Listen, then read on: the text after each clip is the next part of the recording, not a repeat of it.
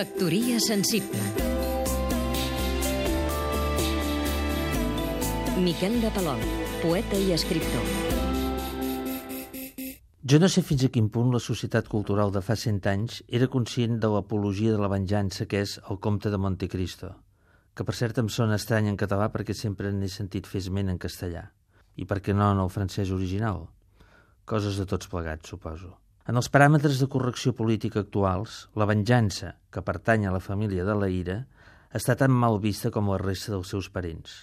Ens hem dotat d'una superestructura moral híbrida entre el cristianisme i la psicoanàlisi, destinada a convertir-nos en bipolars.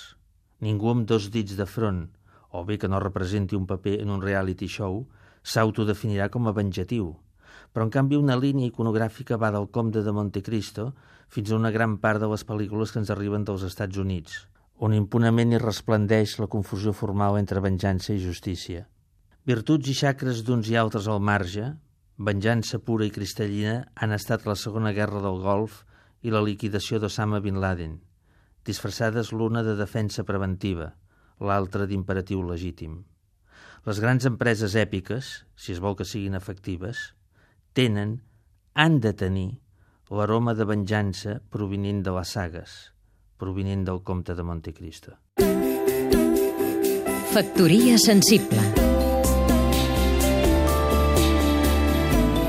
Seguim-nos també a catradio.cat